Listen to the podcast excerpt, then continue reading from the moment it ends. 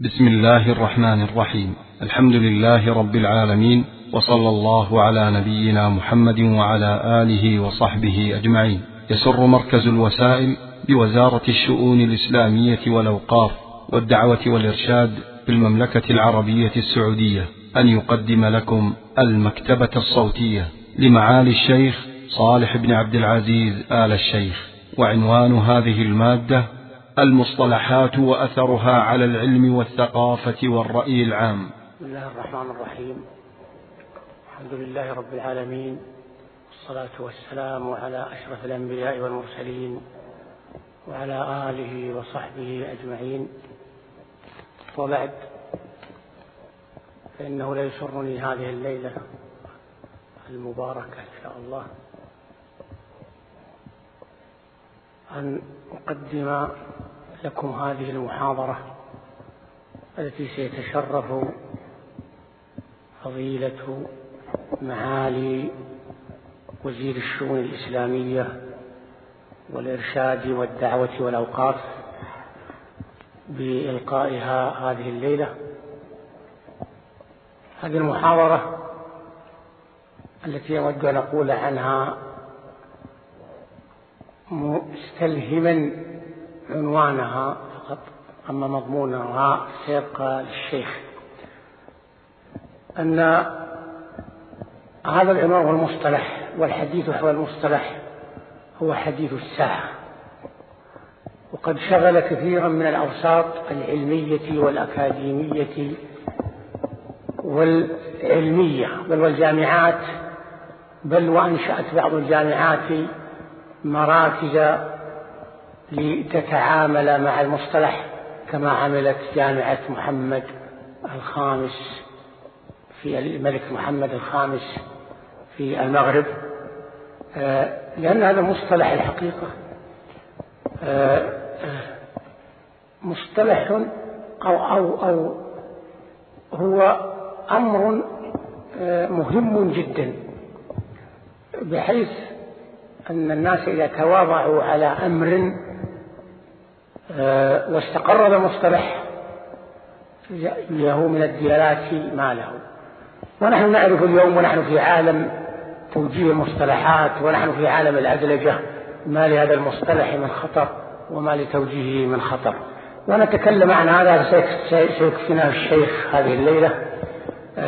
لكن قبل أن نلتمس من الشيخ أن يتحدث نود أن نقدم الشكر لهذا المركز على دعوته للعلماء والمفكرين أن يحضروا مثل هذه المحاضرات التي يلقيها المثقفون والمفكرون والدعاة أمثال الشيخ. الشيخ الحقيقة هو يعني علم ونحن لا نعرف العلم ولكننا نريد فقط أن نشير إلى أن الشيخ ولد في مدينة الرياض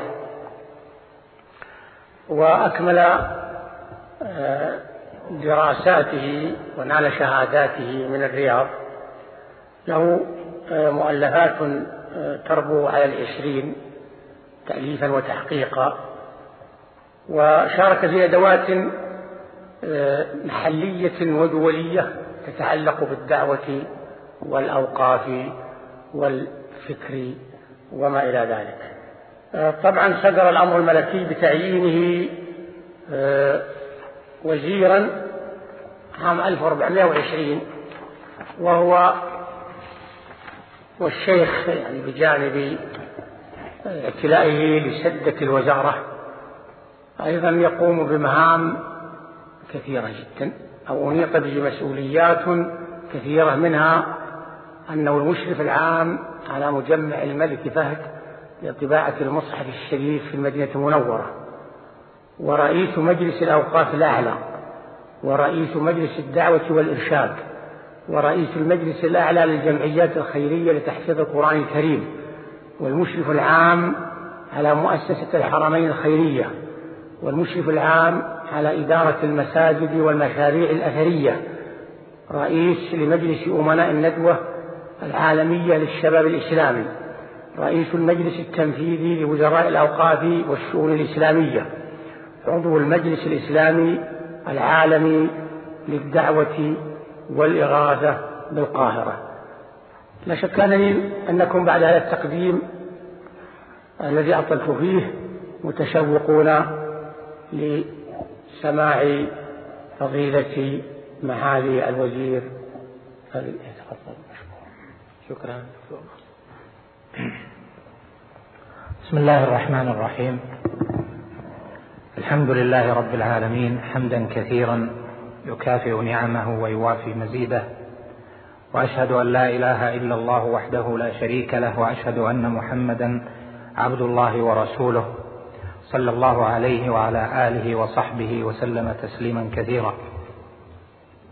أما بعد فإني أحمد الله جل وعلا على أن هيأ لنا مثل هذه اللقاءات العلمية التي يجتمع فيها العلماء والدعاة والباحثون والمهتمون بشؤون هذه الأمة في طرح المسائل العلمية والعقدية والثقافية وما يكون فيه صلاح لأمة الإسلام.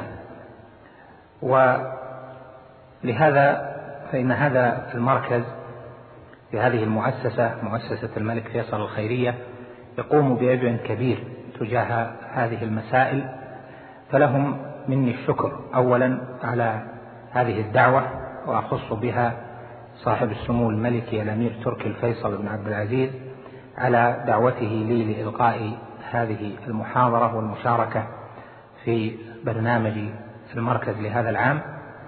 كما أني أشكر لكم جميعا هذا الحضور وأرجو إن شاء الله تعالى أن يكون نافعا لي ولكم وأن يجعلنا ممن يتعاون على الخير ويدعو إليه على بصيرة. موضوع هذه المحاضرة يتعلق بالمصطلحات وأثر هذه المصطلحات في العلم والفكر والثقافة في تاريخ الأمة الماضي ولمحه أيضا عن أثرها في الواقع المعاصر. وكما ذكر أخي الأستاذ الدكتور ناصر بن سعد الرشيد جزاه الله خيرا فإن هذا الموضوع للمتتبع لحال العالم اليوم العالم الإسلامي ولغيره يجد أن هذا الموضوع هو موضوع الساعة لأن الأثر النفسي الذي يلقيه المصطلح على الأمم أثر لا نهاية له فكم تعثرت عقول وبنت أجيال مفاهيمها على مصطلحات ولدت ووجدتها أمامها. فغدت فغذيت بها العقول والقلوب فصارت المفاهيم منطلقة من تلك المصطلحات ربما كانت صحيحة وربما كانت خاطئة. لهذا توجهت للنظر في هذا الموضوع ولم يتح لي من لم أطراف الموضوع وتتبع ما يتعلق به ما يرضي ما يرضيني حول آه، ما سأطرحه لكن هو فتح باب لبحث هذا الموضوع ولتأصيله مستقبلا إن شاء الله تعالى. المصطلحات نشأت قديما ونشأت لحاجة الناس إليها ومضى ذلك يتولد المصطلح شيئا فشيئا وتزيد المصطلحات إلى أن صارت في عصرنا الحاضر لعبة من اللعب وأثر وأثر أو عامل مهم في التأثير في اتجاهات الناس وفي تفكيراتهم. لهذا يمكنني أن أجمل آه، سبب اختياري لهذا الموضوع أن موضوع المصطلحات والبحث في ذلك مهم لأن المصطلحات تمثل مفاتيح متعددة لأنواع المعرفة. فالمعرفة في أي نوع من أنواع العلوم مفاتيح تلك المعارف والعلوم إنما هي في المصطلحات. الأمر الثاني أن المصطلحات لها تأثير سلبا وإيجابا في العلوم من حيث هي وفي المعرفة من حيث هي وفي سلوك الناس من حيث هي من حيث هو وفي سياسات الدول وتأثير تلك السياسات على الناس وفي السلوك والتعبد وفي تنمية المجتمعات والمدنية وإقامة الحضارة. ثالثا المصطلح وسيلة لنقل الأفكار بألفاظ محدودة وتركيز المعاني الظاهرة والباطنة في ألفاظ. وربما خدمت بعد ذلك وولدت من اللفظ الذي لا يحتمل معنى ولدت منه معان متجددة في المستقبل لأجل احتمال اللفظ أو لأجل اشتماله آه، بالتعلم أو بوضع أهله على عدة اتجاهات ومعارف.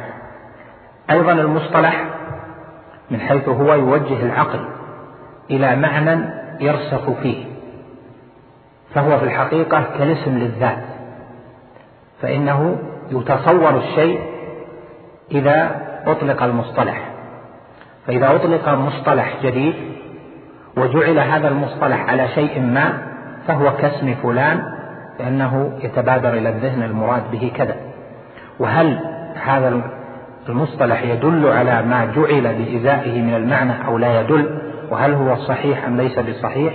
هذا خارج عن البحث في من أنشأ هذا المصطلح لأن المصطلح يجعل العقل لا يفكر في الكلمة إذا وردت إلا بالتفسير.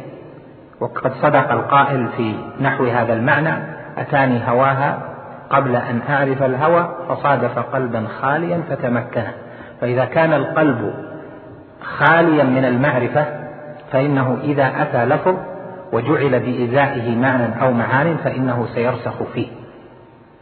أيضا من أسباب اختياري لهذا الموضوع أنني ألحظ أن ثمة أزمة في تفكير المسلمين. وبعض الناس يعبر بالفكر الإسلامي لكن أقول أزمة في تفكير المسلمين تجاه علوم الإسلام بأنواعها تجاه قضايا الأمة وتجاه أنواع المعرفة والعلوم المدنية بعامة. نشأ عن هذه الأزمة في تفكير المسلمين اضطراب كبير في فهم الحقائق. وهذا هذه الأزمة في التفكير لها أسباب متعددة يمكن أن يتوجه إليها الباحث بالبحث ومن هذه الأسباب المهمة أزمة المصطلح وتأثير المصطلح في الناس. لهذا أحسن بعض الباحثين أو بعض الحكماء أو بعض الفلاسفة إذ قال يشعر بأهمية الألفاظ والمصطلحات وتأثير تلك الألفاظ والمصطلحات في الناس. يقول من الألفاظ ما يشعر بوجود أفكار عدة لا تتناولها لا تتناولها تلك الألفاظ ويقول أيضا إذا شاع اللفظ تشعبت معانيه بحسب معقول مستعمليه إذا شاع اللفظ تشعبت معانيه بحسب معقول مستعمليه يعني أنه ربما فسر هذا اللفظ والمصطلح فلان من الناس غير تفسير الآخر لأنه محتمل. ولماذا يفسر؟ لأنه أثر عليه بأن يفسر هذا اللفظ بهذا التفسير بتأثيرات أخرى ولهذا وجود المصطلحات في بعض الأنحاء له ارتباط بالعلوم الإنسانية وله ارتباط بعلوم الاجتماع وله ارتباط بالإعلام وله ارتباط بالتأثير الثقافي وبإحداث التقليد وبنزع التب... وبإحداث التبعية وبنزع الاستقلالية في الفكر وفي تصور الأمور على حقيقتها. لكن كما ذكرنا منها ما هو إيجابي ومنها ما هو سلبي.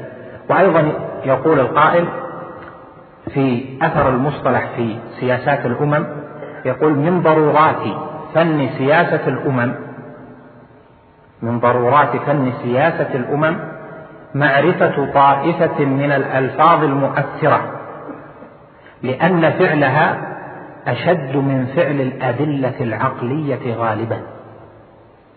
الناس أكثرهم عاطفي ونخبة من الناس برهانيون يعتمدون على التحليل والبرهان والدليل.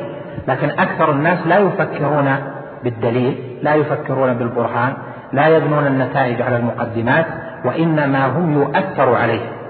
لهذا كان من ضروريات فن سياسة الأمم وقد انتبه إليها الغربيون مبكرا وانتبه إليها كثير من قادة الأمم في الماضي والحاضر أن تطلق ألفاظ تؤثر في الناس فهي أشد فعلا في الناس وأشد تعليقا للناس بتلك السياسات من الأدلة العقلية ومن الواقع ومن البراهين المختلفة. وهذا تنظر إليه من جهة تأثير الشيوعية فيما أثرت فيه ومن جهة تأثير الرأسمالية فيما أثرت فيه ومن تأثير الوجودية وكثير من المذاهب التي تبنتها دول وصارت عليها آه، حضارات أو قامت عليها مدنيات فإنها أثرت وساقت الناس بألفاظ لا يفهمون تمام الحقيقة حتى إذا تكشفت تخلوا عنها. وقال أيضا في علاقتها علاقة الألفاظ بسياسة الناس قال أهمية المسميات في السياسة دون أهمية الأسماء. يعني أهمية الأسماء أكبر من أهمية المسمى. فكم نفذت نظريات هي من الخرق بمكان في ظل ألفاظ حسنة الانتقاء. وهذا أيضا موجود في بعض التيارات الإسلامية وبعض الأفكار التي خالفت نهج سلف الأمة في أنه ثم أفكار وألفاظ حسنة الانتقاء أثرت ونفذت نظريات كما قال هي من الخرق بمكان. إذا تبين ذلك من كلام بعض العقلاء المتأملين في المصطلح وأثر ذلك في الناس فإن المصطلح من حيث هو كان موجودا استعمالا ولكل أهل علم كما سيأتي اصطلاح. وعني المتأخرون يعني في هذه الأزمنة عنوا بتجسيد هذا العلم فجعلوا علما خاصا سموه علم المصطلح. وهو يبحث أو يبحث كثيرا في اللسانيات وفي اللغويات. لكن هذا العلم له ارتباط في فهم معنى الاصطلاح ومعنى المصطلح. فعرف علم المصطلح الذي يبحث في الاصطلاح والمصطلح والألفاظ عرف بأنه علم يبحث في العلاقة بين المفاهيم العلمية والمصطلحات اللغوية التي تعبر عنها. ومن أهم الموضوعات التي تبحث في هذا العلم النظرية العامة لعلم المصطلح بحسب وضع أهلها لها وهي قريبة ليس فيها آه، يعني غلط فيما بحثوه بل هي صحيح من حيث عقلية البحث ومن حيث تجسيد العلم. من أهم الموضوعات النظرية العامة لعلم المصطلح أولا البحث في طبيعة المفاهيم. قبل أن يبحث في اللفظ والمصطلح يبحث في المفهوم حتى يكون المصطلح مطابقا للمفهوم. طبعا هذا من جهة أهل العلم الخاص به هم يرعون النزاهة. لأنهم لا يطلقون مصطلحا إلا بعد أن يحدد المفهوم فيكون المصطلح مطابقا للمفاهيم التي سيدل عليها هذا المصطلح. أيضا يبحثون في تكوين المفاهيم وخصائص تلك المفاهيم والعلاقة بين المفهوم وبين اللفظ الحاضرة والمستقبلية من حيث أصول العلم ومن حيث أثر تلك الألفاظ. أيضا يتعاطون أو يبحثون في تعريفات المفهوم والمسمى واللفظ من حيث هو وأيضا يبحثون في كيفية تخصيص المصطلح للمفهوم لأن المصطلح لفظ هو له معان كثيرة لكن كيف يخصص هذا المصطلح لهذا المفهوم المعين؟ هذا يحتاج إلى دراسة علمية متخصصة حتى يكون المصطلح دالا على المفهوم أو على المسمى دلالة ليس فيها تجاوز. وأيضا مما يبحثون طبيعة المصطلحات ووضع المصطلحات. في القديم كان علم المصطلح يبحث في المنطق أو يبحث في أصول الفقه فيما يسمونه بالحدود والتعريفات ويجعلون ثمة فرقا. بين التعريف والحد والحد هو المصطلح. فيقولون مثلا لفظ كذا تعريفه كذا يعني من جهة صناعة الحدود. فيأتون مثلا للفظ الفقه فيقولون الفقه هو كذا المنطق. فيحدونه حدا يجعلونه هو المفهوم يجعلون هذا الحد هو المفهوم فيما إذا أطلق هذا اللفظ.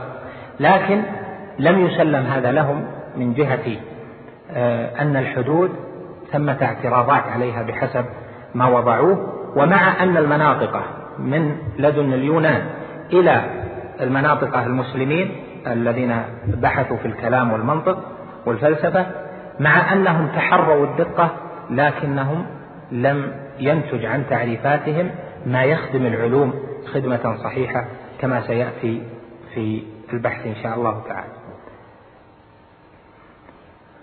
لهذا الناظر والمتأمل اليوم في العلم والكتب والبحوث يجد أن لكل فن من الفنون مصطلحا خاصا به ومصطلحات متنوعة تتعلق بهذا الفن. فإذا نظرنا في العلوم الشرعية العقيدة مثلا تشمل التوحيد والعقيدة العامة والخاصة ثم مصطلحات كثيرة تتناولها تلك العلوم. إذا نظرنا في الفقه ثم مصطلحات. ألف في مصطلحات العقيدة وإذا آه، أعطفنا الفلسفة والكلام وما يتعلق بها على مباحث الاصطلاح في علوم العقيدة يعني سواء كانت بحق أو بباطل آه، إذا عطفنا عليها وجدنا أن كثيرا من الكتب الاصطلاحية ألفت في هذا الميدان. اصطلاحات الفلاسفة اصطلاحات المناطق اصطلاحات آه، أهل الكلام آه، اصطلاحات أهل السلوك الاصطلاحات الصوفية اصطلاحات العلوم بعام. العلوم الشرعية من العلوم الفقهية علوم الحديث. الحديث في علم خاص اسمه علم المصطلح. مصطلح الحديث هذا ينظرون فيه إلى معاني الألفاظ التي استعملها علماء وأئمة الحديث في توضيح تلك المعاني. وجدت تلك الاستعمالات ثم بحث العلماء في تفسيراتها بحسب مصطلح أهل ذلك العلم. ولا أحب أفصل في آه، كل مسألة لأن الوقت يضيق عن آه، بحث كل مسألة بتفصيل. في العلوم الإنسانية في الاجتماع وعلوم النفس وحركة المجتمعات وحركة المدنية وتأثير المتأخر المتقدم على المتأخر وتأثير السياسة والجو السياسي على انفعال الناس وعلى علومهم وعلى إقدامهم وترهلهم وإلى آخره. هذا أيضا ثم مصطلحات كثيرة نشأت منها اعتنى بها عدد منهم ابن خلدون في المقدمة كما هو معلوم. التاريخ ثمة من آه، اعتنى بوضع مصطلح للتاريخ يبحث فيه اصطلاح في وضع ضوابط للمؤرخين وأيضا في وضع في تحديد معاني المؤرخين فيما آه، اصطلحوا عليه أو تكلموا حوله. إذا نظرنا إلى تاريخ العرب كما سيأتي ف وتاريخ المسلمين الاصطلاحات متنوعة. في كل فن فنون في الاقتصاد مثلا إذا نظرنا إليه من حيث هو وفي المال والمدنية والسياسة والقانون وعلوم النفس والاجتماع وكل فن من الفنون ثمة كتب كثيرة. والآن أحصيت أكثر يعني في هذه الأيام أحصيت أكثر من 300 كتاب معاصرة في الفنون الاصطلاحية تعريف المصطلحات آه، المختلفة. وهذا يدل على أن حركة فهم المصطلحات حركة حادة وقوية وذلك لأهمية المصطلح ودور آه، آه، المصطلح في حياة الناس وأن الناس يهتمون في فهم العلوم بالمصطلح بل قال بعض العلماء وهو التهانوي في كشاف اصطلاحات الفنون قال إنك إذا أخذت كتاب مصطلح لفن من الفنون لم تحتج إلى معلم في ذلك الفن لأن دقة الفن وفهم فن من الفنون الفقه أو أو الكلام مثلا أو المنطق إنما هو مبني على فهم اصطلاحات أهل. فإذا فهمت اصطلاحات أهل ذلك الفن فإنه يمكن لك أن تدرك الباقي لأن العقدة إنما هي في الاصطلاح. فإذا علمت الدلالات فإنها آه، فإنه ييسر بعد ذلك فهم ذلك العلم. لكن هل الاصطلاحات هل المصطلح الواحد لا يوجد له إلا معنى واحد؟ الجواب لا. لأن العلوم متداخلة. فنجد مثلا أن لفظا واحدا مصطلح في علم من العلوم تجد أن هذا اللفظ موجود في علم آخر وفي علم ثالث وفي علم رابع. مثلا إذا نظرت المسند والمسند إليه هذا يستعمل في الحديث وله معنى يستعمل في البلاغة له معنى. إذا نظرنا للخبر الخبر في الحديث له دلالة في النحو له دلالة في في المنطق له دلالة. وهكذا مثلا لفظ الرجعة الرجعة إذا سألت ما معنى الرجعة؟ لا بد أن يقال في أي فن تريد تعريف الرجعة فالرجعة عند الفقهاء لها معنى والرجعة عند بعض الفرق آه، لها معنى رجعة الإمام أو نحو ذلك ورجعة المسيح عند النصارى لها معنى إلى آخره. فإذا آه، كثير من الألفاظ المصطلح يؤثر في تلك العلوم آه، وفي فهم تلك العلوم. إذا قلبنا الصفحات والتاريخ إلى ما قبل الإسلام وجدنا أن حقيقة المصطلح والاصطلاح ناشئ عن حركة الحركة المدنية للأمة. الحركة المدنية من حيث هي يعني بمعنى في وسائل المدنية ووسائل العيش سعى الناس في بحث المصطلحات التي تعينهم على أمور المدنية.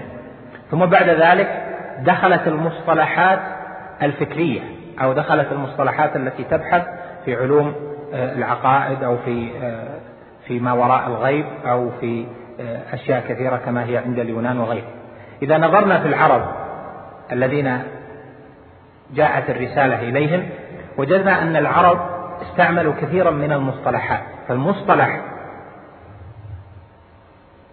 طبعا اللسانيون يبحثون في يعني انت توهم مني ظميان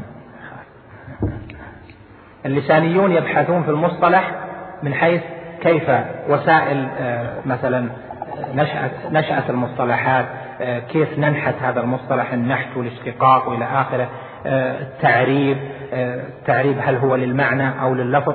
فأهل اللسانيات يبحثون بحوث مختلفة في ذلك. لكن العرب على أي استعملت المصطلحات وأنشأت مصطلحات في في علوم كثيرة. فبين يدي مثلا في تنظيم الإدارة ثم مصطلحات مثلا السيدانة آه، والرفادة ونحوها. في الزراعة آه، العرب تستعمل للمهندس لفظ القناقن مثل ما قاله ابن سيدة في المخصص نقلا عن الخليل الفراهيدي في العين وهو المقدر لمجال المياه القناقن. لاحظ لها ارتباط بالقناة وإلى آخره من جهة الاشتقاق. لكن هذا مصطلح القناقن حتى قال وهو المهندس المقدر لمجاري المياه. استعملت أيضا في الطب الأسر وهو احتباس البول والحمى والجدري إلى آخره من مصطلحات طبية أو آه، مرضية معينة.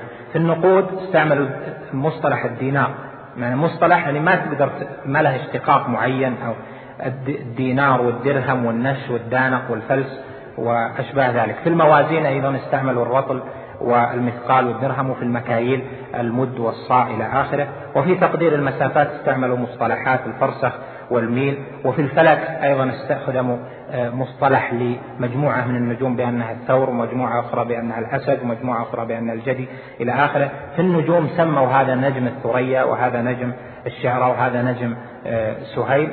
سهيل اسم. لكن لماذا أطلقوا على هذا النجم سهيل؟ هذا اصطلاح. لكن هل فيه ارتباط بين بين الاسم والمسمى لا إنما هو مجرد اصطلاح. إذا فحركة الاصطلاح حركة مدنية. حركة مدنية مهمة. لا يمكن أن نغيب جانب أهمية المصطلح إلا إذا غيبنا أهمية جانب التمدن في حياة الناس وحركة الناس. لهذا كان كانت النظرة للتمدن والمدنية والحضارة لا بد أن يكون معها.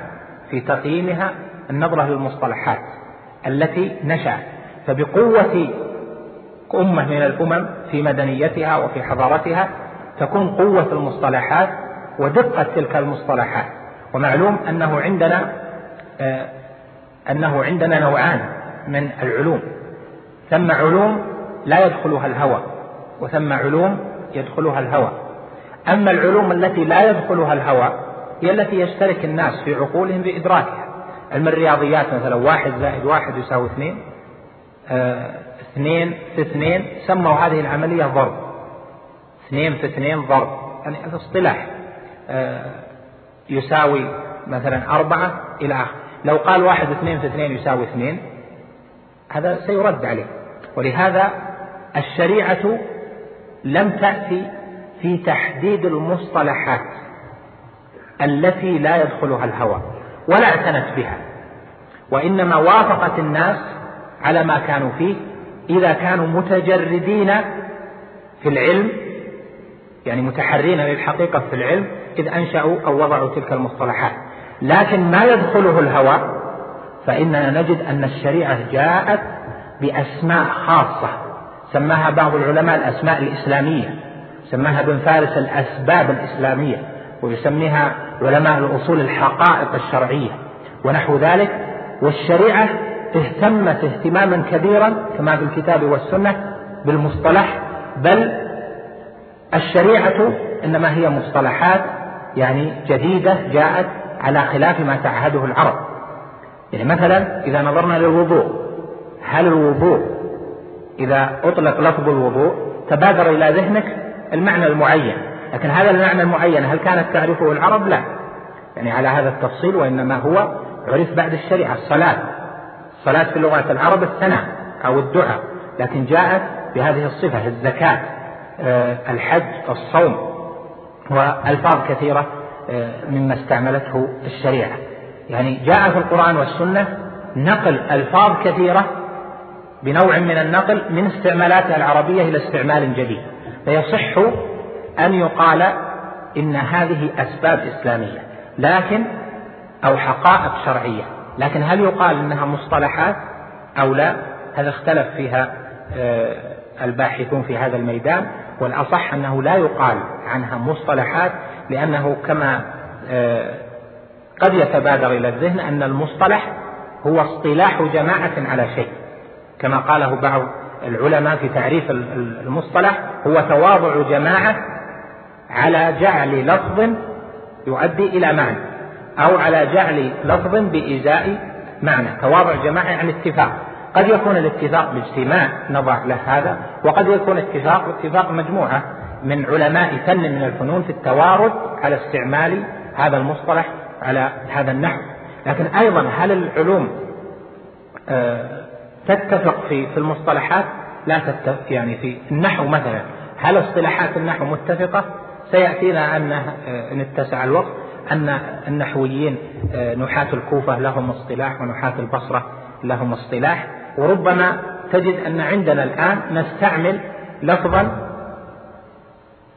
الرجل يعرب على طريقة البصريين ويستعمل في إعرابه آه، طريقة الكوفيين. مثل الآن النعت.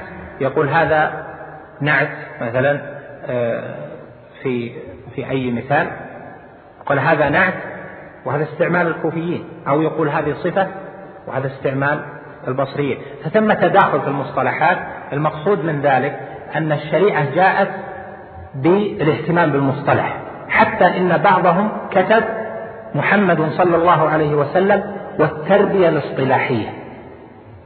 وذكر عدة أشياء أن محمدا عليه السلام آه، اهتم بالمصطلح وأصله وجعل العقل يفكر في الأشياء بحسب المصطلحات التي جاءت في في الشريعة.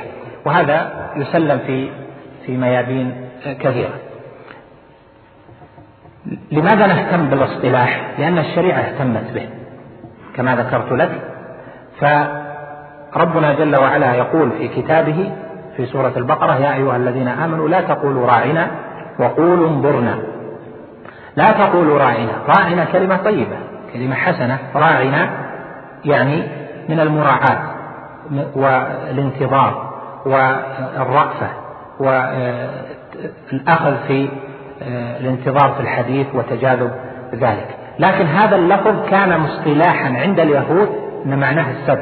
كما قال ابن عباس في في ذلك كان المسلمون يقولون للنبي صلى الله عليه وسلم راعنا على جهة الطلب والرغبة من المراعاة أي التفت إلينا. وكان هذا بلسان اليهود سبا.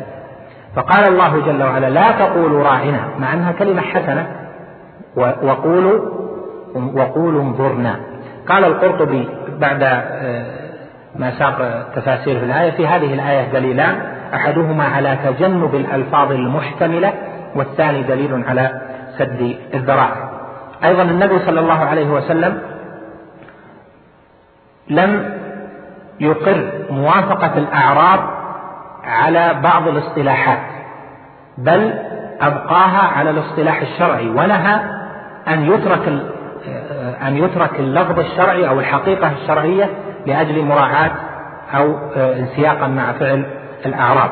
مثال ذلك ما رواه مسلم في الصحيح عن ابن عمر قال سمعت رسول الله صلى الله عليه وسلم يقول لا يغلبنكم الأعراب على اسم صلاتكم ألا إنها العشاء وهم يعتمون الإبل. كانوا يسمون العشاء العتمة. والعتمة لفظ متعلق بأشياء دنيوية بحلب الإبل أو بما يبقى من الحليب على الاختلاف في تفسيرها. واسم العشاء جاء في القرآن من بعد صلاة العشاء. فقال لا تغلبنكم لا يغلبنكم الأعراب على اسم صلاتكم. فدل على أن النبي صلى الله عليه وسلم جعل اهتمام الناس بما جاء من الحقائق الشرعية في كتاب الله وفي سنة رسوله صلى الله عليه وسلم وألا نترك هذه الحقائق لاستعمال من نقص في دينه ولم يكمل دينه. ولهذا ابن تيمية رحمه الله في اقتضاء الصراط المستقيم أورد مخالفة الأعراب في التسمية في أن الشريعة جاءت بالنهي عن التشبه بالكفار والشياطين والتشبه بمن لم يكمل دينه أو يكمل دينه أو لم يحسن إسلامه على الحقيقة وهم الأعراب. فقال في معرض كلام الله وقريب من هذا يعني مخالفة الشياطين مخالفة من لم يكمل دينه من الأعراب ونحوهم وأيضا روى البخاري عن عبد الله بن مغفل وهو المزني عن النبي صلى الله عليه وسلم قال لا تغلبنكم الأعراب على اسم صلاتكم المغرب. قال والأعراب تقول هي العشاء. كانوا يسمون المغرب العشاء والعشاء العتمة. قال ابن تيمية رحمه الله فقد كره موافقة الأعراب في اسم المغرب والعشاء بالعشاء والعتمة. وهذه الكراهة عند بعض علمائنا تقتضي كراهة هذا الاسم مطلقة وعند بعضهم إنما تقتضي كراهة الإكثار منه حتى يغلب على الاسم الآخر وهو المشهور عندنا. يعني أنه إذا استعمل نادرا فلا بأس لكن أن يغلب فيصير هو الغالب فهذا هو المنهي عنه. وهذا الذي ذكره ابن تيمية في ما نسبه قول وهو المشهور عندنا يعني عند الحنابلة هو مذهب الإمام مالك والشافعي وابن المنذر وجماعة. وكان ابن عمر رضي الله عنه إذا سمعهم يقولون العتمة صاح وغضب كما رواه ابن أبي شيبة في المصنف. أيضا من الدلائل على اهتمام الشريعة بالاصطلاح ما رواه أبو داود من طريق مالك بن أبي مريم عن أبي مالك الأشعري عن النبي صلى الله عليه وسلم قال ليشربن ناس الخمر يسمونها بغير اسمها. ليشربن ناس الخمر يسمونها بغير اسمها. تلحظ العلاقة أنهم هم من الأمة يشربون الخمر يسمونها بغير اسمها. كأن تغير الاسم سهل لهم شرب الخمر فكان تغير الاسم آه، سبيلا لتسهيل شربها لأنه اختلف الوازع بتغير الاسم. ولهذا روى الدارمي في مسنده بسند آه، لين من طريق القاسم عن عائشة قالت قالت سمعت رسول الله صلى الله عليه وسلم يقول إن أول ما يكفر الإسلام كما يكفر الإناء كف الخمر قيل وكيف ذاك يا رسول الله؟ قال يسمونها بغير اسمها فيستحلونها. يسمونها بغير اسمها فيستحلونها. الحظ هذا الربط أن تغير المسميات يتغير مع تغير الاسم تغير معه الحكم حتى في نفسية الناس. وهذا الحديث أخرجه ابن أبي عاصم من وجه آخر عن عائشة. أيضا مما جاء في الشريعة في في مثل هذا الباب نهي النبي صلى الله عليه وسلم عن تسمية العنب كرما. وكانت العرب تسمي العنب كرما مثل ما قال الشاعر إذا مت فادفني إلى جنب كرمة تروي عظامي عند موتي عروقها إلى آخر كلامه. والكرم من, من أنه شيء كريم شيء متميز يعني آه، فاق غيره. آه، فروى البخاري أن النبي صلى الله عليه وسلم يعني من حديث أبي هريرة أن النبي صلى الله عليه وسلم قال لا تسموا العنب الكرم. وفي رواية فإنما الكرم قلب المؤمن. وفي صحيح مسلم لا يقل أحدكم للعنب الكرم إنما الكرم الرجل المسلم. انتبه الخطابي لهذه العلاقة في الاصطلاح والمعنى وما يؤديه من التأثير على النفوس فقال رحمه الله المراد بالنهي تأكيد تحريم الخمر بمحو اسمها ولأن في تبقية هذا الاسم لها يعني اسمها الذي كان عند العرب عند الجاهلية تسميتها كرم. شريعة سموها سمتها خمر وعكدت على ذلك واستعملته ونهت عن غيره. فقال لأن في تبقية هذا الاسم الذي هو الكرم لها تقريرا لما كانوا يتوهمونه من تكرم شاربها. فنهى عن تسميتها كرما وقال إنما الكرم قلب المؤمن لما فيه من نور الإيمان وهدى الإسلام. وقال المازري رحمه الله أيضا كره أن يسمى هذا المحرم باسم تهيج طباعهم تهيج طباعهم إليه عند ذكره فيكون ذلك كالمحرك لهم. وهذا في الحقيقة صحيح لأن آه، الشريعة آه، حينما رعت الأسماء رعت جانب العبودية في الناس وكما ذكرت لك الأسماء التي لا تدخل في جانب الهوى يعني في جانب السلوك في جانب التعبد هذه تركتها الشريعة لحال الناس فلم تغير في ما أسموه وما اصطلحوا عليه. لكن ما يتعلق بالسلوك وما يتعلق بالتعبد وما يتعلق بالحلال والحرام وما له أثر في العقيدة وفي الديانة فإن الشريعة جاءت بأسماء سماها العلماء الحقائق الشرعية وأمرت بالالتزام بها ونهت عن استعمال غيرها لما في ذلك من إبقاء شعار الديانة وعدم الالتفات إلى غيره. هذا الأمر نما في أمة الإسلام على هذا الفهم على أنه في العلوم المدنية والتي لا تأثير للسلوك فيها هذا افعل من الاصطلاحات وأنشئ من الاصطلاحات ما شئت. فنما أول ما نما اصطلاحات العلوم الخاصة ففي النحو بدأ المبتدأ والخبر والحال والنعت والصفة إلى آخره. والتمييز إلى آخر فنون النحو. وفي الشعر جاء لما جاءت الأوزان جاءت كثير من الاصطلاحات وتمييز البحور والعلل والزحاف والوتد المجموع والمفرق وليس عندي خبرة أنا بهذه المسائل. أيضا في الاصطلاحات الأخرى في الحديث سموا الخبر والحديث الضعيف والصحيح والحسن والمعلل والمضطرب إلى آخره. فنشأت علوم كثيرة ووضعت لها اصطلاحات في حركة هي أقوى حركة علمية معصلة شهدتها المدنيات. أكثر اصطلاحات مرت على على التاريخ هي الاصطلاحات التي وضعت في في تاريخ الإسلام.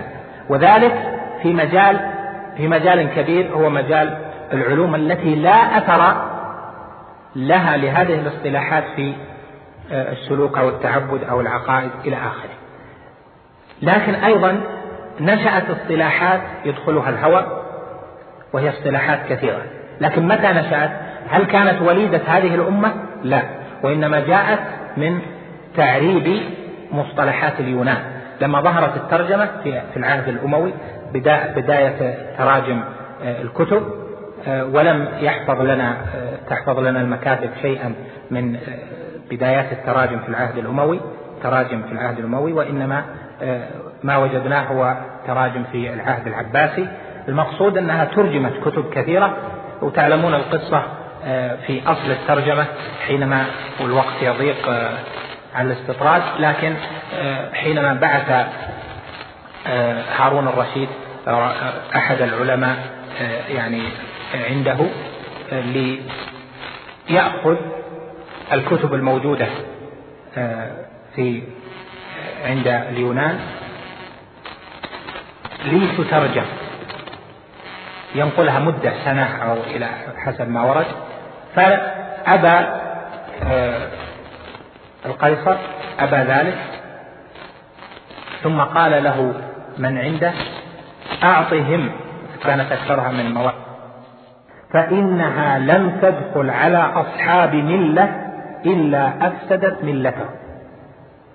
وحمل معه ما حمل ثم بدأت الترجمة ابن المقفى و آه، نحى نحوه فترجموا كتبا وحنين بن إسحاق ترجموا كتبا كثيرة. هذه التراجم هذه التراجم للكتب كانت تترجم بوضع مصطلحات. فترجموا في العقائد ترجموا في الكلام ترجموا في السلوك أشياء كثيرة متنوعة. منها تراجم تراجم في أشياء مدنية ومنها تراجم في أشياء تتعلق بالديانة. وجاء هذا الكم الهائل إلى الأمة فحصل هناك زخ كبير من المصطلحات. قواه المأمون بنشر هذه الكتب مأمون الخليفة العباسي فانتشرت المصطلحات الجديدة. فنشأ ما يسمى بعلم الكلام. حقيقة علم الكلام هو خليط من النظر في البراهين الإسلامية والنظر في الأصول اليونانية فمنها جعلوا خليطا سموه الكلام. كذلك التصوف هو خليط ما بين إشراق الإشراق والفيض عند اليونان عند أفلوطين وأفلوطين غير أفلاطون أفلوطين بعد أرسطو أفلاطون ثم أرسطو ثم أفلوطين جاء بنظرية الإشراق واصطلاحات عن الفيض واتصال النفس بالملأ الأعلى ودخلت فنشأ عن هذا الخليط من رؤية بعض الزهاد للتمسك بالإسلام والتأثر بهذه الكتب الإشراقية في مدرسة الإسكندرية المعروفة فخرج عندنا شيء جديد اسمه التصوف الغالي فنشأ نشأ هذان الانحرافان الكبيران انحراف في العقيدة في إنشاء علم الكلام والفلسفة يسمونها الفلسفة الإسلامية والتصوف وما آل إليه آه، بالقول بوحدة الوجود. نضرب أمثلة على المصطلحات التي نشأت في العلوم وأثر هذه المصطلحات في الأمة. مثلا في في مباحث العقيدة أحدث لفظ الجسم إثباتا لله أو نفيا لفظ العرب السلوك في الصفات التأويل في الغيبيات بعامة. هذه ألفاظ اصطلاحية لم تكن في الكتاب ولا في السنة. أحدثت هذه الألفاظ انحرافا كبيرا جدا في في الأمة. فجاء لفظ الأعراض حينما نظروا في قصة معروفة في آه، في القول بالأعراض وعلاقة الجسم بالعرض وإثبات وجود الله عند جهم والجهمية. آه، المقصود أنهم فسروا العرض بشيء وفسروا الجسم بشيء. الجسم والعرض التفسير والجوهر والهيولة إلى آخر التفاسير ألفاظ مستعملة عند اليونان. فنقلوها بتفسيراتها وحينئذ نظروا في الشريعة فوجدوا أن ما لم يوافق هذا المصطلح وما يدل عليه يجب نفيه. فلهذا نفوا عن الله جل وعلا الصفات وأعدوا إثبات الصفات آه، إثبات للجسمية لله تعالى والشريعة أصلا ليس فيها لفظ الجسم. لله جل وعلا لا نفيا ولا إثباتا ولا لفظ العرب ولا ألفاظ السلوك إلى آخره. فحدثت هذه الكمية من المصطلحات أحدثت هذه الكمية من المصطلحات ظهور فرق جديدة تتبنى هذه المصطلحات وتعارض بها الأصول الشرعية فحصل افتراقات كثيرة في الأمة وآثار في علوم مختلفة. إذا نظرت في جانب توحيد العبادة آه، لفظ التوسل لفظ التوسل والوسيلة فجاء في القرآن. يا أيها الذين آمنوا اتقوا الله وابتغوا إليه الوسيلة وجاهدوا في سبيله. وابتغوا إليه الوسيلة الوسيلة الحاجة. يعني إذا كانت لكم حاجة فابتغوا عند الله جل وعلا دون غيره. هذه الوسيلة استعملت أيضا في الدعاء. يعني حاجة الحي من حي آخر في الدعاء. كما كان عمر رضي الله عنه كما قال عمر رضي الله عنه مرة كنا إذا أذبنا توسلنا بعم بنبينا والآن نتوسل بعم نبينا. يا عباس قم فادعو فادعو الله لنا فقام فدعا في الاستسقاء. فلفظ التوسل له معنى شرعي. ثم بعد ذلك جاء جعل هذا اللفظ لفظ التوسل يشمل عبادة الأموات والاستغاثة بهم سؤال الميت سواء كان نبيا أو غيره أو سؤال الجن أو سؤال الملك جعل ذلك ورغبة في الوسيلة آه، ولم يجعلوه شركا لم يجعلوه بدعة. قالوا هذا توسل. التوسل أصلا في الشريعة آه، موجود لكن الاصطلاح مختلف. الاصطلاح أو اللفظ في دلالته مختلفة كما هو معلوم. لفظ التأويل هو موجود في الكتاب في القرآن في قوله جل وعلا نبئنا بتأويله وما نحن بتأويل الأحلام بعالمين. هذا التأويل بمعنى التفسير أو معنى ما تؤول إليه حقائق الأشياء إما في الدنيا أو في الآخرة. لكن جاء لفظ جديد سموه التأويل وجعل له معنى يعني مصطلح جعل له معنى سلط على النصوص وهو صرف اللفظ عن ظاهره المتبادر منه, منه إلى غيره لقرينة. هذا سلط على النصوص فحصل انفراج كبير في فهم الأدلة الشرعية سواء كان في أبواب الاعتقاد أم في أبواب آه، الفقه. لا أطيل في, في الآثار لأن الوقت آه، يزاحمني كثيرا. إذا نظرنا أيضا في التفسير. التفسير المعاصر أو في التفسيرات القديمة. التفسير هو تفسير لآية القرآن. فإذا أريد نقل التفسير إلى لغة أخرى فهل ينقل المصطلح أو هل ينقل تنقل الحقيقة الشرعية؟ يعني مثل الوضوء الوضوء حقيقة شرعية الصلاة حقيقة شرعية الكفر حقيقة شرعية النفاق حقيقة شرعية الإيمان حقيقة شرعية. هل تنقل هذه الحقائق الشرعية في الترجمة كما هي؟ أو ينظر فيما يقابلها في اللغات الأخرى؟ الحقيقة إذا نظرنا في حركة الترجمة سواء القديمة أو الحديثة وجدنا أن من نقل هذه الألفاظ الشرعية والحقائق الشرعية بما يقابلها من معنى في لغات الناس الآخرين في أي لسان نجد أنه قصر في أداء المعنى الذي دل عليه اللفظ. فالصلاة مثلا في في الشريعة ليست هي ذا بري عند في الإنجليزية.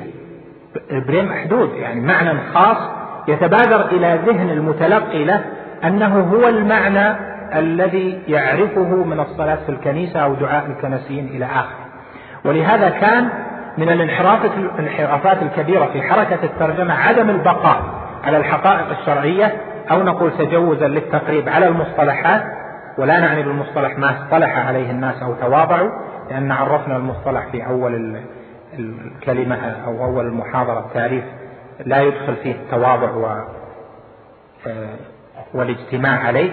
إنما هو لفظ جديد له معنى يدل عليه. هذه الألفاظ الشرعية الحقائق الشرعية يجب أن تبقى في حركة الترجمة كما هي.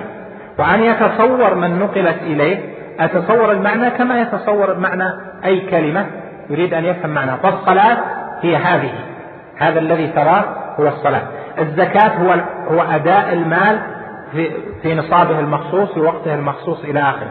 الصوم هو هذا الصوم الشرعي المعروف.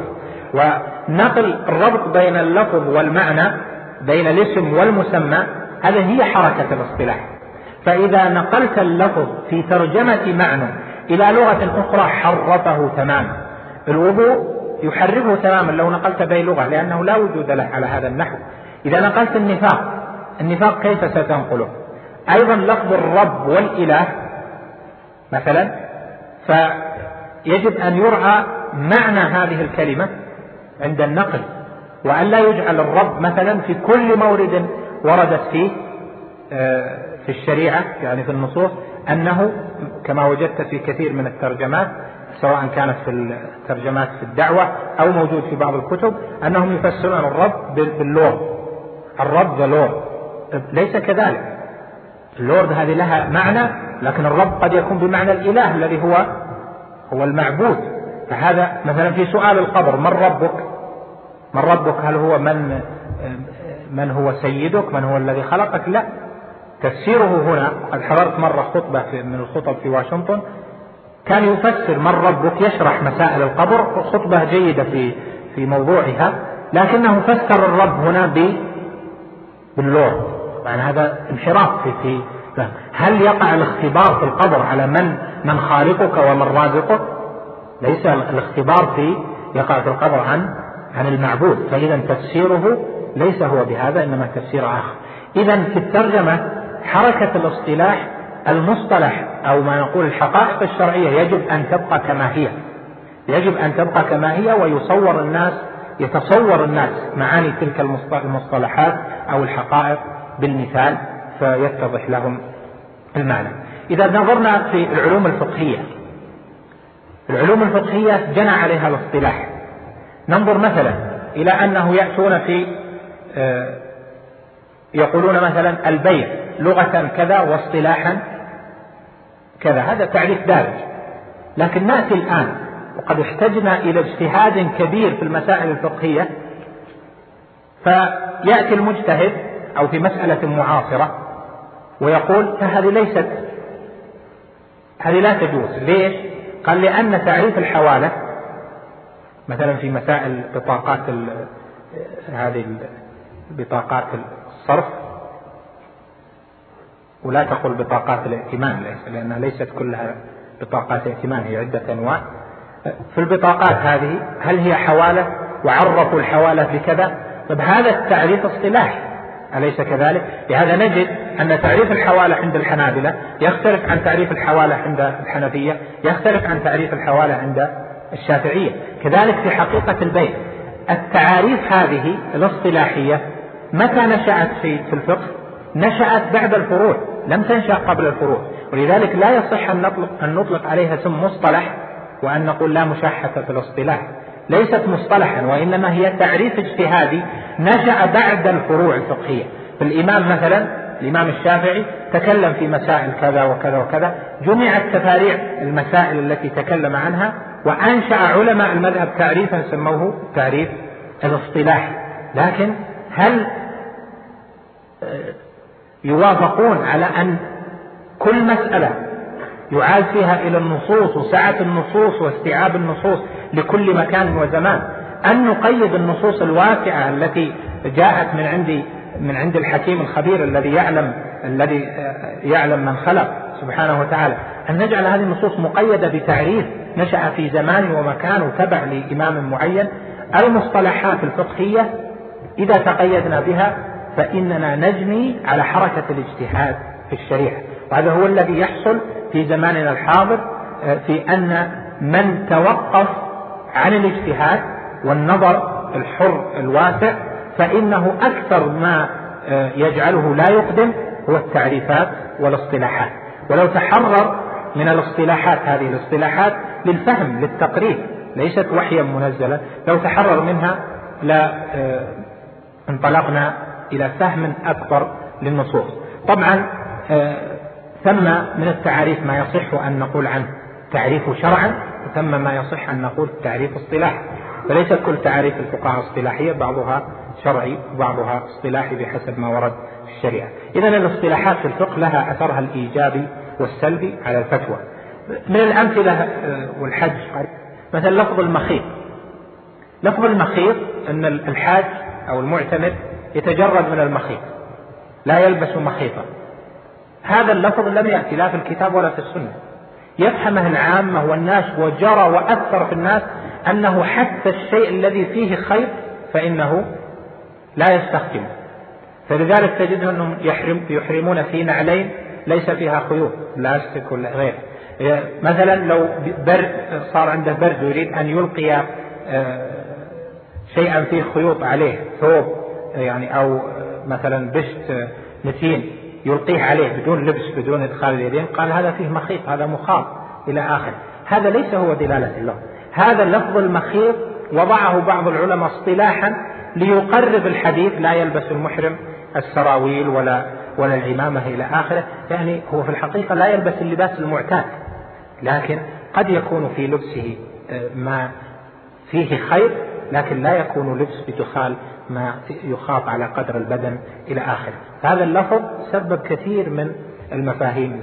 لهذا نقول مثلا الركن والواجب أيضا لو تكلمنا عنها هذا ركن وهذا واجب ما في في النصوص ما يدل على أن هذا ركن وهذا واجب. هو اصطلاح لهذا تجد الفقهاء يختلفون. الحنابلة مثلا يقول هذا ركن وعند الشافعي هو واجب وهؤلاء يقولون واجب وعند الآخرين ركن فيختلفون في بعض المسائل. نعم الركن آه، من حيث هو وما تقوم عليه حقيقة الشيء. يعني ما لا يتصور وجود الشيء إلا به وأما الواجب فهو شيء إضافي. نطوي الكلام عن بعض المسائل المتعلقة بهذا. إذا نظرنا للأدب كعلم التاريخ الماضي والحاضر الأدب جني عليه. كان واسعا فدخله المنطق وما أحب أستطرد فيه دخلها المنطق وخاصة في البلاغة فبدل أن يكون الأدب ذوقا وإحساسا بالجمال في التعبير والجمال في التصوير أصبح قوانين. ولما أصبح قوانين فسد الذوق وأصبح عندنا مأساة في تاريخ الأدب العربي في القرون ما بين القرن التاسع إلى القرن الرابع عشر. في ترهل في الألفاظ واتباع للمحسنات اللفظية والبديع يعني أنواع البديع إلى آخره. أيضا مما جني به على الأدب وهذه قد يستغربها كثير من من الإخوة إظهار لفظ المجاز وهو لفظ لم يجد لم يجري في اللغة لا في أشعارها ولا ولم يجري في الشرع فأخرجوا أو وضعوا لفظ المجاز والمجاز آه، كان مستعملا بلفظ ما يجوز في اللغة. أما المجاز بالمعنى الاصطلاحي وهو نقل اللفظ من وضعه الأول إلى وضع ثان لعلاقة بينهما فهذا مبني على فهم أنهم تواضعوا أولا على شيء. واخفض لهما جناح الذل من الرحمة قالوا مجاز. لماذا؟ لأن, المج... لأن الجناح هو جناح الطائر. من الذي قال أن العرب اجتمعت وتواضعت؟ يلا انظروا إلى ما حولكم. هذا الجناح هذا الطائر هذا نسميه حمامة وهذا جزء منه هو كذا وجزء منه كذا. هذا ما يتصوره آه، أحد يبحث بحثا حرا في تاريخ نشأة اللغات والتعمق في ذلك. الموجود معاني كلية وبعض الأسماء. وحركة اللغة حركة مائجة. المجتمع الأصوات توليد الأشياء تأثر بالأمم حركة مختلفة الاتجاهات. فجعل تصوير اللغة بأن هناك علم اسمه علم الوضع وجاءت العرب ووضعت لهذا اللفظ هذا المعنى ووضعت لهذا اللفظ هذا المعنى. أفسد كثير من حركة العلوم بمثل هذه الاصطلاحات. الحقيقة لفظ المجاز وهو الذي يبنى عليه علم كامل من علوم البلاغة الذي هو علم البيان هو النوع الثاني من علوم البلاغة. هذا أثر كثيرا في آه، في فهم اللغة وفي متابعة العرب في سنن كلامها إذا نظرنا في السلوك أو في السلوك والتعبد أعظم ما أحدث من المصطلحات التي سببت ما لا نهاية له من الآثار لفظ التصوف. لفظ التصوف ما جاء لا في الكتاب ولا في السنة ولم يستعملها القرن الأول. إنما هو مصطلح على حال أناس معينين لبسوا الصوف أو صفت قلوبهم إلى آخر تعليلات آه، نشأة هذا الاسم. ثم بعد ذلك صار هذا المصطلح له دلالات كثيرة متنوعة وعلم خاص به بل وتحته مصطلحات كثيرة. خذ مثلا مصطلح المقام والحال والفيض والإشرام والفناء ألفاظ لو عرضت عليك وأنت لا تعرف دلالاتها قد يقول قائل لا بأس بها. لفظ الفيض يعني ما يفيض. أنت لا تفسر اللفظ بمفهومك وإنما يفسر اللفظ بمفهوم أهله بمفهوم من وضعه بمفهوم من يستعمله. ولهذا إذا نظرت في تفاسيرها عند القوم وجدت فيها أكبر انحراف عن الزهد المشروع الذي جاء في هدي الصحابة. بل وهدي إمام المتقين محمد بن عبد الله عليه الصلاة والسلام. سبب الفيض والإشراق القول بوحدة الوجود وسبب الفناء أيضا القول بالاتحاد وأشياء كثيرة آه، لا ندخل فيها. أيضا آه، الاصطلاحات العلمية ذكرنا أنها نمت في في جو الحضارة الإسلامية أكبر نمو. فإذا نظرنا في العلوم الكونية وما يسمونه علم الهيئة ثم اصطلاحات كثيرة أثرت واستفادت منها الأمم الأخرى وخاصة أوروبا في الطب. قانون ابن سينا ومصطلحاته ومفردات ابن البيطار وابن الرسول إلى آخره لا زالت هي المعتمدة في كثير من الأسماء. في في الهندسة والفيزياء وعلم حتى طبقات الأرض كان موجودا في نوع معين. بل حتى كلمة الانتخاب الانتخاب التي أخذها داروين وبنى عليها نظريته كانت موجودة عند إخوان الصفا واستعملوا لفظ الانتخاب وانتخاب الطبيعي ولكنهم قصروه على النبات وعلى بعض الحيوان ولم يدخلوا في يدخلوا في كل الحيوانات وكل الإنسان فأخذت وعممت ولهذا صار من الاعتراض عليها فيما عمم فيما عممت فيه في الغرب. أكثر من الاعتراض عليها فيما خصصت به في بعض العلوم في تاريخ الأمة مع ذمنا لإخوان الصفا وأنهم باطنيون وليسوا بمسلمين. أيضا في النواحي السياسية والعلوم المختلفة وإلى آخره. نقلب الصفحات ونأتي إلى العصر الحاضر. لا شك أن تاريخ المصطلحات في الأمة في جميع هذه الفنون أتى هذا العصر الحاضر يعني القرن الرابع عشر الهجري وفي الأمة هذا الركام الهائل من هذه المصطلحات. وبدأت الأمة في فعل كثير من من آه، المدققين تراجع تلك المصطلحات. بل قبل ذلك آه، نقدت تلك المصطلحات في حركة شيخ الإسلام ابن تيمية رحمه الله تعالى وما نقد به مصطلحات الفلاسفة ومصطلحات الصوفية في آه، علم كثير. جزاه الله عن الجميع خير الجزاء. ركام الهائل هذا من المصطلحات جاء لهذا العصر وجاء لأهله لكنه مع الأسف جاء متأخرا. كيف؟ جاء بعد أن أخذته أوروبا وأخذه فلاسفة أوروبا والفلاسفة المخترعون آه، بالمناسبة المخترعون في أوروبا كلهم فلاسفة إلا ما ندى يعني كلهم كان اشتغالهم الأول بالفلسفة والفلسفة علم يبحث عن حقائق الأشياء ولها عدة أقسام في فلسفة إلهية وفي فلسفة طبيعية لتبحث في الفيزياء وفي غيره وفي فلسفة رياضية وفي فلسفة موسيقية وإلى يعني عدة أنواع آه، آه، يعني وفنون وكتب لها مختلفة. المقصود أن المخترعين كانوا يهتمون بذلك وكانت جامعات في في أوروبا مهتمة أكبر الاهتمام بعلم المصطلح وبالاصطلاح حتى إنهم وردوا لنا مع الأسف أو صدروا لبعض من ذهب إليهم من من الإرساليات المبكرة أن النظريات الأوروبية إنما هي ميراث نظريات الغزالي وابن رشد وابن خلدون إلى آخره. وثم عندهم من الدراسات الكثيرة عن ابن رشد وطبعوا كثيرا من كتبه وعن الغزالي وعن آه، ابن خلدون. ناهيك عن الملاحدة كالحلاج والشعراء الماجنين كأبي نواس ثم دراسات كثيرة هناك. لماذا؟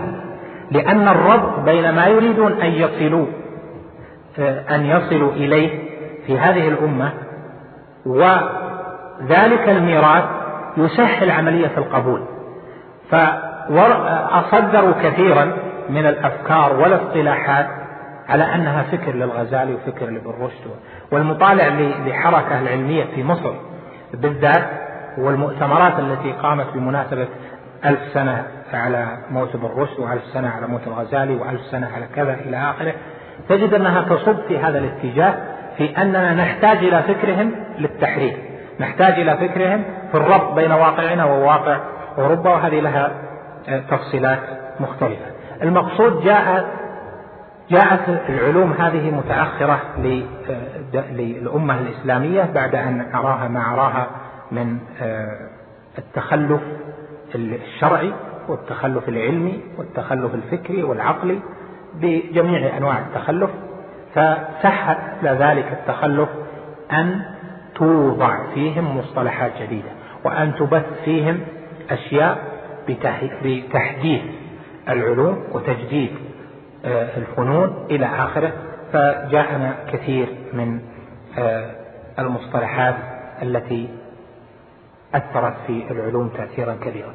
نعم كان في التحرر من كثير من القيود السابقة خاصة في مثلا في البلاغة وفي بعض علوم العربية آه، وفي النظرة التاريخية. صار في بحوث جيدة وعدم الانسياق وراء الاصطلاحات السابقة لكن آه، كان لما قدم من آه، الفكر الأوروبي تأثيرات متنوعة.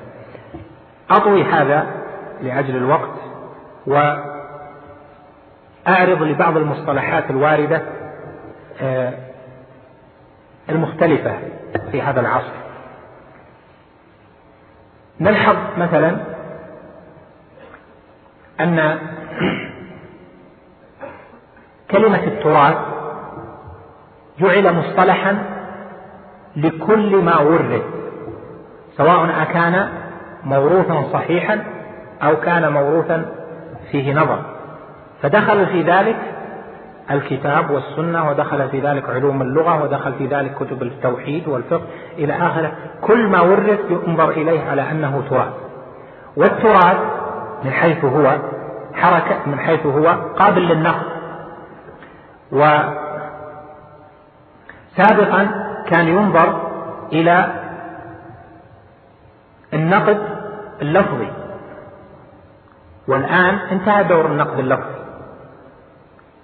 والآن يبحث في النقد النقد الموضوعي بمعنى أن المجتمع الآن مجتمعات المثقفين لا تبحث الآن في في نقد الحركة أو في نقد علم من العلوم من حيث الألفاظ ومن حيث البني البنيوية اللفظية ومن حيث التفكير وإنما تبحث فيها من حيث نقد البنيوية المعنوية يعني محتويات هذا الشيء من المعاني والأفكار. ولذلك التراث من حيث هو يدخل إذا نقدناه يدخل فيه كل ما ورد. لهذا يجب أن يوضع لهذا المصطلح حد وأن يقيد أو يرفض حتى لا ندخل في التراث ما لا آه، يقبل الجدل أو ما يجب التسليم له وهو كتاب الله جل وعلا وسنة رسوله صلى الله عليه وسلم.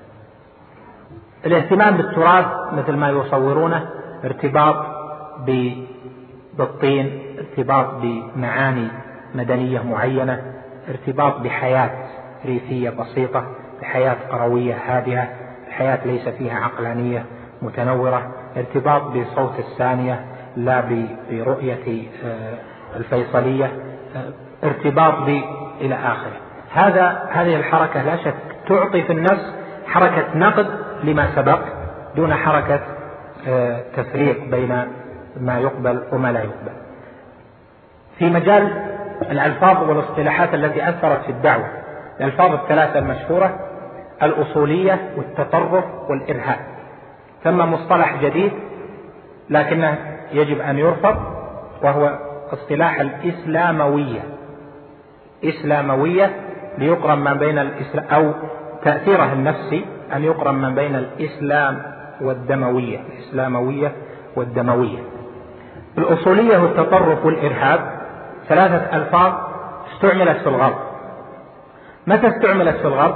استعملت في بعد حركة مارتن لوثر واللوثرية المعروفة. استعملت في الذين طلبوا بقاء الكنيسة على سلطانها الفاسد. فكانوا يسمون في فرنسا الأصولية يعني الذين يريدون إبقاء سلطان الكنيسة الفاسد. وعدم الانقياد للحركة التحررية. جاء لفظ من ذهب إلى اليمين أو اليسار آه، على أي شكل كان في ذلك الوقت بأنه متطرف. ثم من مارس شيئا من من الأفعال فعلا دم أو ضرب أو نحو ذلك بأن هذا نوعا بأن هذا نوع من الإرهاب. استعمل هذا ذلك في الصحافة الغربية وصار مصطلحا عندهم شائعا نقلته مراكز العلوم مع الأسف الإسلامية والعربية ونقله الإعلام العربي والإسلامي ونقله الناس حتى إنهم لم يعودوا يفهموا المعنى الحقيقي والصحيح للأصولية والتطرف والإرهاب. الإرهاب في الشريعة لا ينفع. الإرهاب من الرهبة والرهبة تارة تكون محمودة وتارة تكون مذمومة. الإرهاب بحق إرهاب العدو الذي يعادي الإسلام أهله والذي يعتدي على الناس في أموالهم وفي أعراضهم وفي بلدانهم وفي أراضيهم. هذا مطلوب كما قال جل وعلا وأعدوا لهم ما استطعتم من قوة ومن رباط الخيل ترهبون به عدو الله وعدوكم. وقوله إنهم كانوا يسارعون في الخيرات ويدعوننا رغبا ورهبا. أيضا الترهيب والإرهاب من الوقوع في الجريمة هذا أمر مطلوب شرعا. ولذلك جعلت الحدود وجعل كثير من التعازير للإرهاب يعني إيقاع الرهبة في صدر الناس من أن يقدموا على الجرائم المالية والخلقية وفي المجتمع و آه، يعني هذه السلسلة بأجمعها. إذا استعمل اللفظ حتى صار من يقاتل الأعداء أعداء الإسلام صار إرهابيا في معنى من المعاني. نعم آه، هناك بعض الممارسات التي لا تقر ولا يجوز ولا يصح أن تجعل هي التسمية أو المراد بالتسمية الشرعية. فكل يفسر حسب فهمه. لكن استعمل هذا الاسم وأظنه لو ظل في الناس بعد ذلك سيكون أي حركة للجهاد الجهاد الذي هو لإعلاء كلمة الله سيقع في قلوب الناس أنه نوع إرهاب لأجل الترهل والخضوع وغلبة الرحمة غير الشرعية وغير العقلية في بالناس. إذا نظرنا للتطرف. تطرف مصطلح لا آه، حدود له. تطرف في ماذا وحول ماذا؟ تطرف هو أن يكون الذي أمامك ليس على وفق السلوك الذي تريده. فإذا كان في لباسه على هيئة ما قلت متطرف. يعني قالوا متطرف. إذا كان في محافظة على العبادة العبادات على هيئة ما قالوا متطرف. وهكذا. فهذا المصطلح لما جاء في لعالمنا العربي والإسلامي لما جاء أثر حتى أصبح عند الناس أن الذي يتمسك ببعض السنن آه، متطرف. وفي الحقيقة هذا اللفظ ما جاء لا في القرآن ولا في السنة. وإنما الذي جاء لفظ منضبط وهو الغلو. يا أهل الكتاب لا تغلوا في دينكم ولا تقولوا على الله إلا الحق. والنبي صلى الله عليه وسلم نهى الأمة قال إياكم والغلو. الغلو مجاوزة الحد في المأذون به. إذا جاوز جاوز السنة فهو مردود عليه. الثلاث الصحابة الذين سألوا عن عبادة رسول الله صلى الله عليه وسلم فلما بلغوا بها كأنهم تقالوها. بعد ذلك قال أحدهم أما أنا فأصوم ولا أفطر. والآخر أما أنا فأقوم ولا أنام والثالث أما أنا فلا أتزوج عن النساء.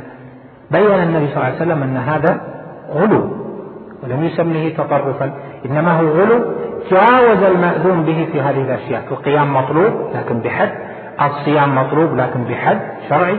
تزوج النساء مطلوب لكن أيضا بحد وهو أربع زوجات لمن استطاع العدل في ذلك إلى آخره.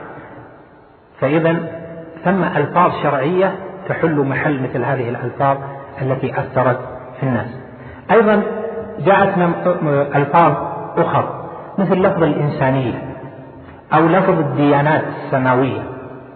لفظ الديانات السماوية لا أصل له في الشريعة ولا أصل له في كلام أحد من أهل العلم. وإنما الدين السماوي واحد إن الدين عند الله الإسلام. وحتى بعض الخاصة وبعض طلبة العلم راجع عليه ما يوجد في الجرائد والمجلات وفي الإعلام الديانات السماوية الثلاث. الدين السماوي واحد. إن الدين عند الله الإسلام ومن يبتغي غير الإسلام دينا فلن يقبل منه.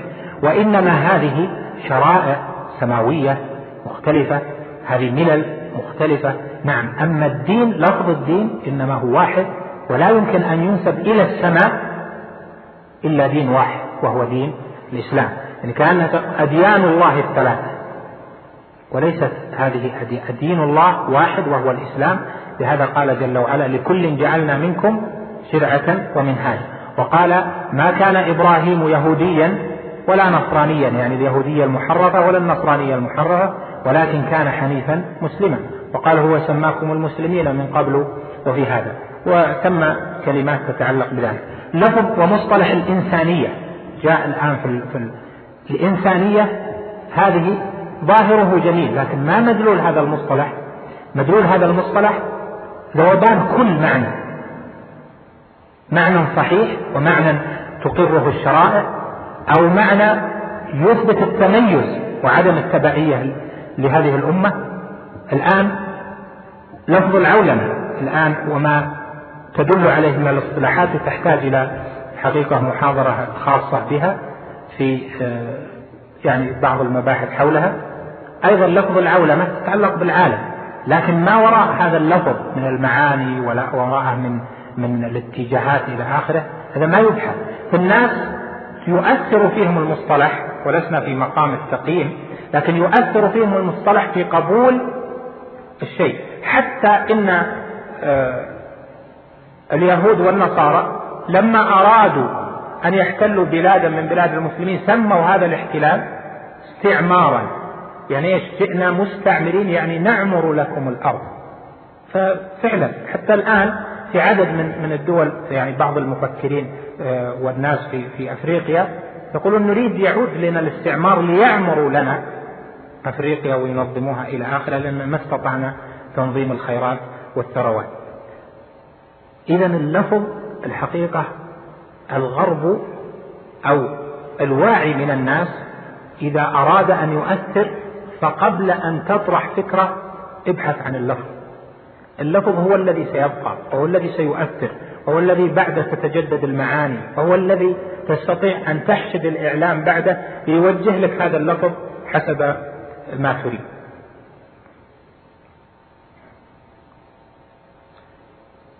أما في الاتجاهات الدعوية فتم عدة اتجاهات جاءت بألفاظ جديدة.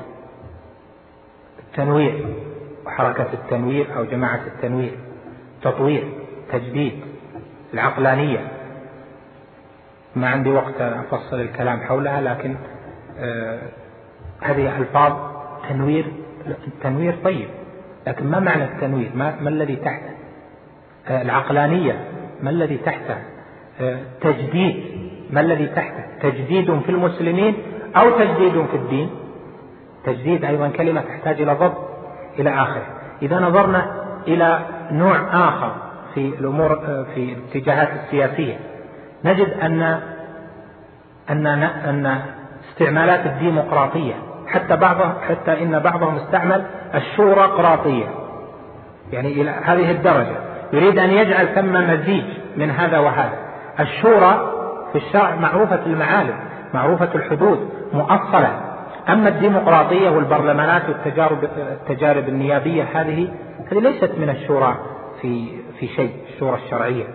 آه، استعملت هذه الألفاظ فمشت والحديث عنها آه، يطول. آه، يعني نمضي أيضا. ختاما.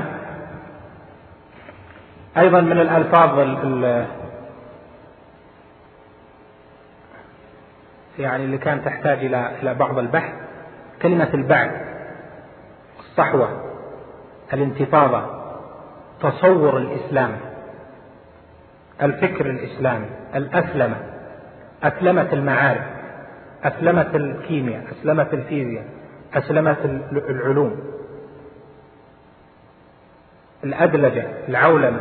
يعني ألفاظ كثيرة جاءت جاءت هذه الأمة زخا. لكن هل سنستطيع أن نميز؟ هل نستطيع أن نوقف هذا المد المصطلحي؟ الآن لا تتأثر به لكن سينشأ الناشئ وهو يعرف أن هذا اللفظ دلالته هي هذه. وبالتالي كيف تنزعه منه؟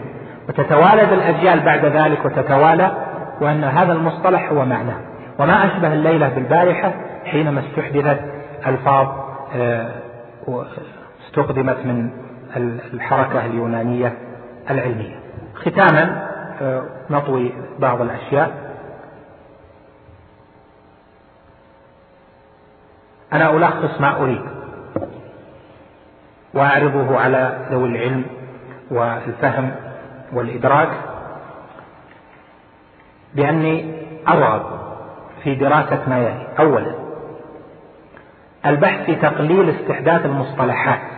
وعدم قبولها في العلوم الشرعية والإنسانية والسلوكية التي يدخلها الهوى والتأثير العبادي والسلوكي والعقدي أما في العلوم المدنية فهذه اهتم بها كثيرا المجامع وطحنوا وما أخرجوا لنا طحنا.